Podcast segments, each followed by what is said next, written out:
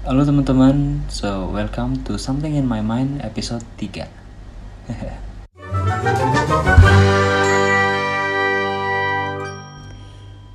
Sebenarnya gue udah sering sih untuk ngisi materi di suatu occasion atau di suatu kegiatan ya terutama kegiatan mahasiswa sih.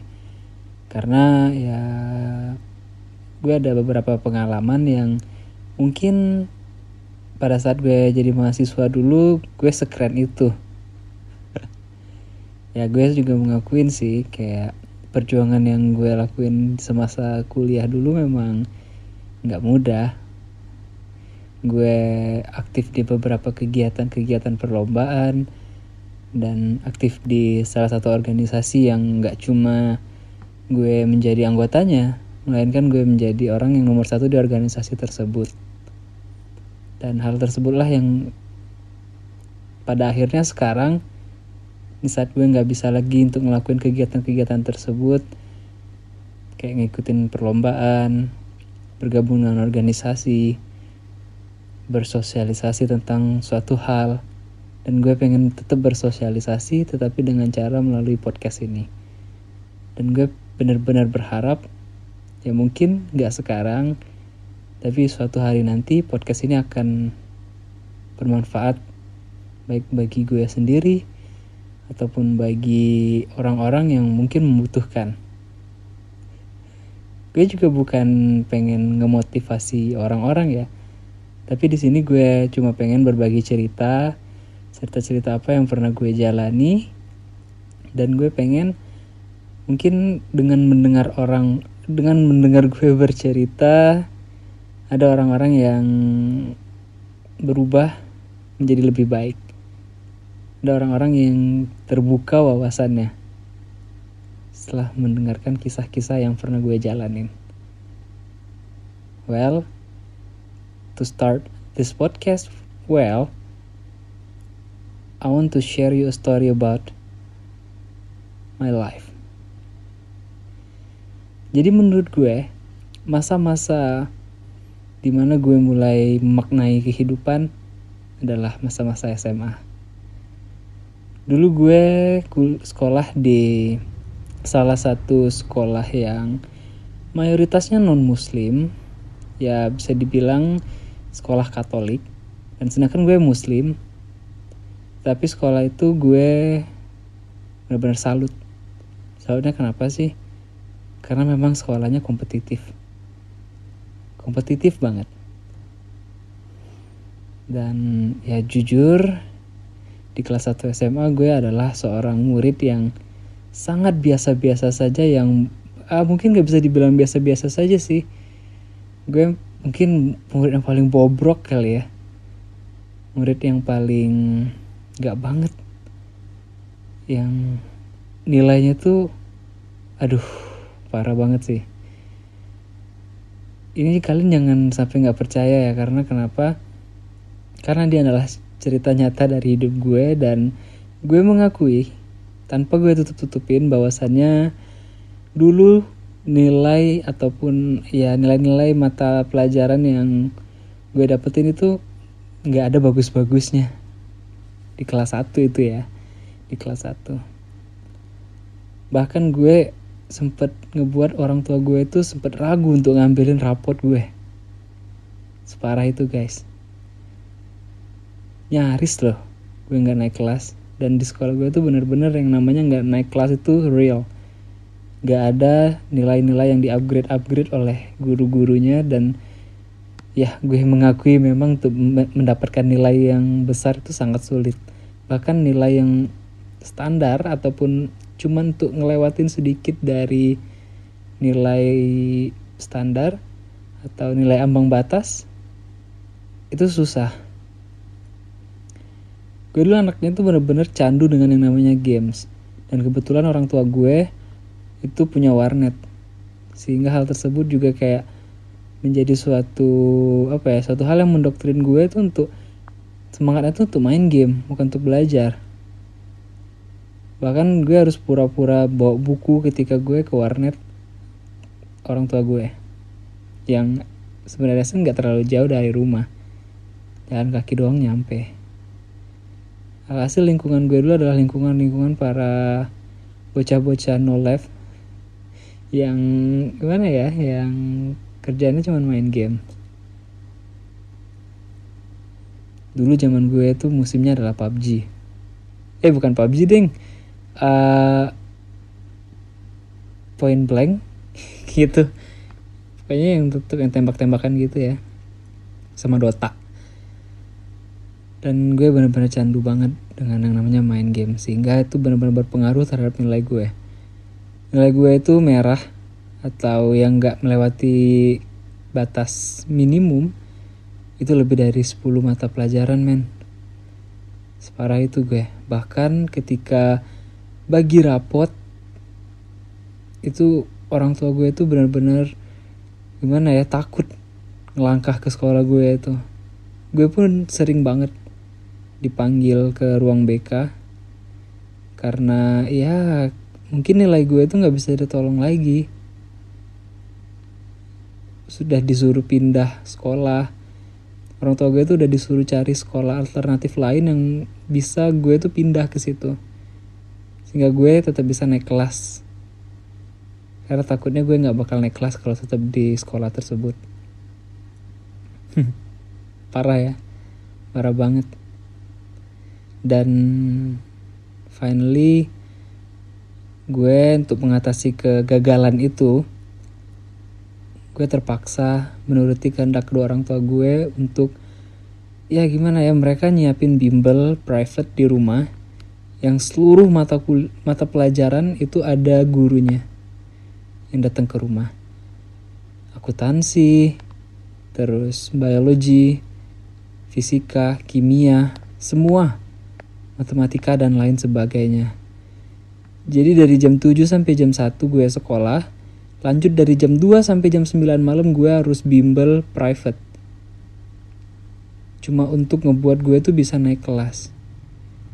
Dan gue tuh nggak sempet lagi dengan yang namanya main game karena ya pada bagi raport mid semester di semester 2 itu nilainya parah banget dan gue sudah nggak dikasih izin lagi untuk main dan lain sebagainya.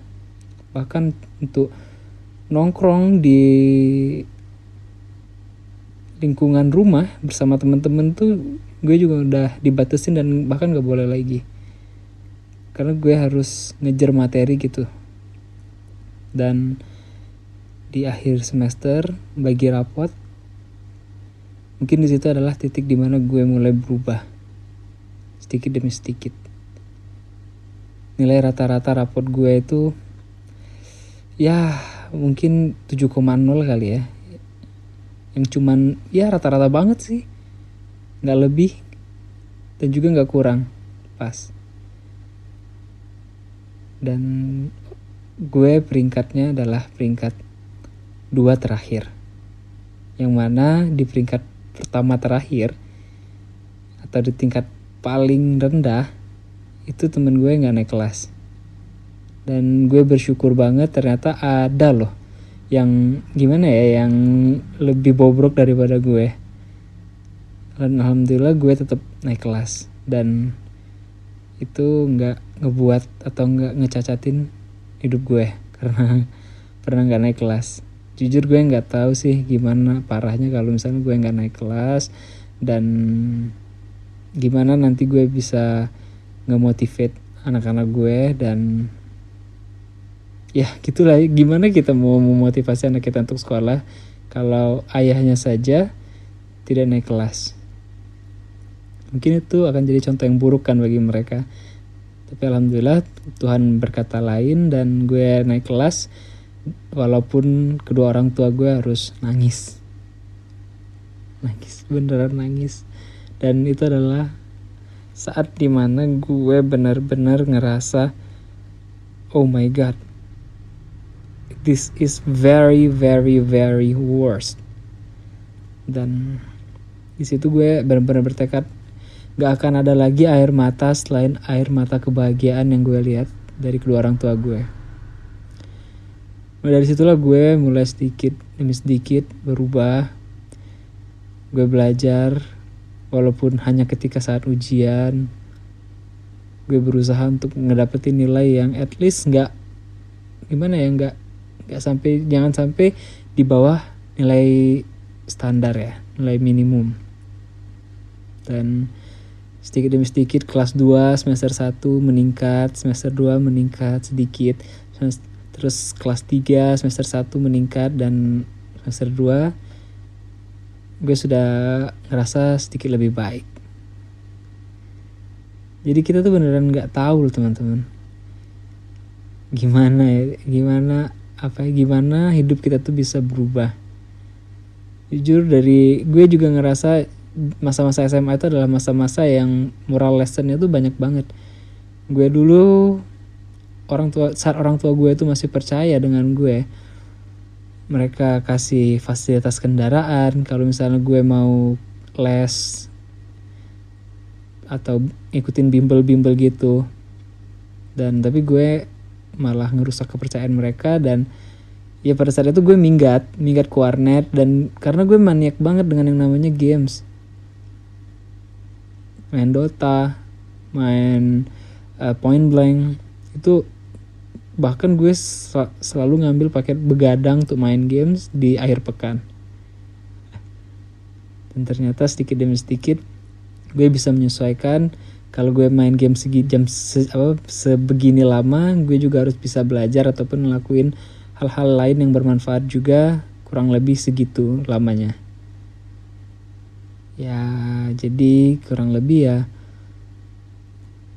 sebenarnya titik balik seseorang tuh dapat berubahnya tuh beda-beda. Ada yang cepat ada yang lambat. Ada yang dengan keadaan seperti ini atau ada juga yang dihadapi dengan keadaan yang seperti itu. Semua orang tuh nggak sama. Tiap kejadian yang terjadi dalam kehidupan seseorang itu alurnya berbeda-beda. Jalan yang diberikan Tuhan untuk kita tuh beda-beda. Dan mungkin Tuhan juga mengukur ya. Mengukur oh dia ini waktu nakalnya segini lama dan waktu tobatnya di usia segini di keadaan yang seperti ini.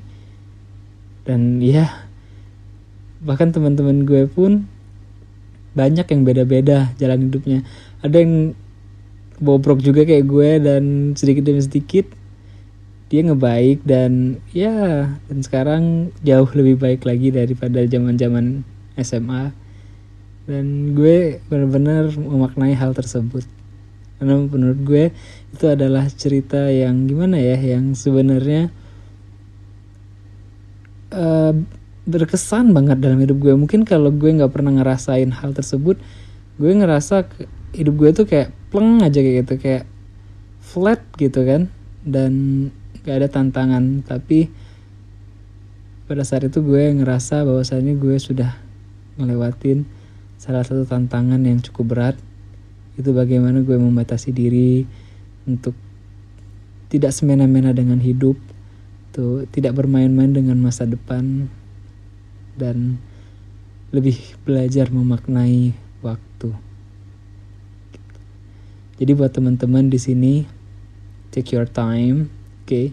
enjoy your time. Kalian lihat keadaan apa yang mungkin bisa menguntungkan kalian, keadaan apa yang mungkin akan merugikan kalian, dan belajarlah untuk sedikit demi sedikit memperbaiki diri kalian masing-masing. Memang benar, tiap orang itu jalan hidupnya berbeda-beda, tapi jika kita tidak memulai hal yang lebih baik itu secepatnya, ya kita tidak akan pernah bisa menjadi lebih baik. Gue sadar masa-masa muda gue, masa-masa remaja gue dulu ketika gue SMA, itu gue benar-benar kacau di kelas 1. Tetapi sedikit demi sedikit, gue memperbaiki keadaan, dan bisa melangkah jauh lebih baik lagi. Meskipun sekarang gue memulai melangkah di kehidupan yang lebih berat, yang lebih susah lagi, tapi gue juga tetap berusaha untuk bisa menjadi lebih baik. Maka dari itu, gue ngebuat podcast ini biar gue bisa ngerekam juga cerita hidup gue. Ya mungkin kalau misalnya gue ngisi acara atau ngisi materi di beberapa kegiatan organisasi oke okay, memang materi itu dari gue dan gue sudah menyampaikannya dengan baik mungkin ke beberapa teman-teman lainnya beberapa anak-anak muda lainnya beberapa junior junior gue yang jauh banget selisih umurnya dengan gue. Tapi gue nggak nge-record hal tersebut. Dan nggak ada juga panitia yang ngelakuin full record terhadap apa yang gue sampaikan. Ya jadi inilah mungkin fungsi podcast yang bakal gue buat ini. Itu adalah untuk ngerekam cerita yang pernah gue alami. Yang pernah gue laluin. Rintangan-rintangan apa aja dan lain sebagainya. Dan gue benar-benar berharap mungkin untuk semua pendengar yang mendengar podcast ini dapat memetik hal-hal yang baik dan menjadikan ya gimana ya menjadikan mungkin motivasi kalian untuk bisa menjadi lebih baik lagi karena ya mungkin titik balik kalian untuk menjadi lebih baik lagi itu berawal dari mendengar cerita dari gue gitu. karena bapak bapak gue itu selalu ngomong uh, sebaik-baiknya orang adalah orang yang berguna bagi orang lain dan saat ini gue benar-benar pengen menjadi orang yang berguna bagi orang lain Mungkin itu singkat cerita pembukaan dari gue. Dan ke depannya gue bakal share hal-hal menarik apalagi yang pernah gue laluin. Kegiatan-kegiatan apa yang bisa ngebuat gue itu jadi lebih berkembang lagi, lagi, dan lagi. Terima kasih dan tetap semangat. Something in my mind episode 2 selesai.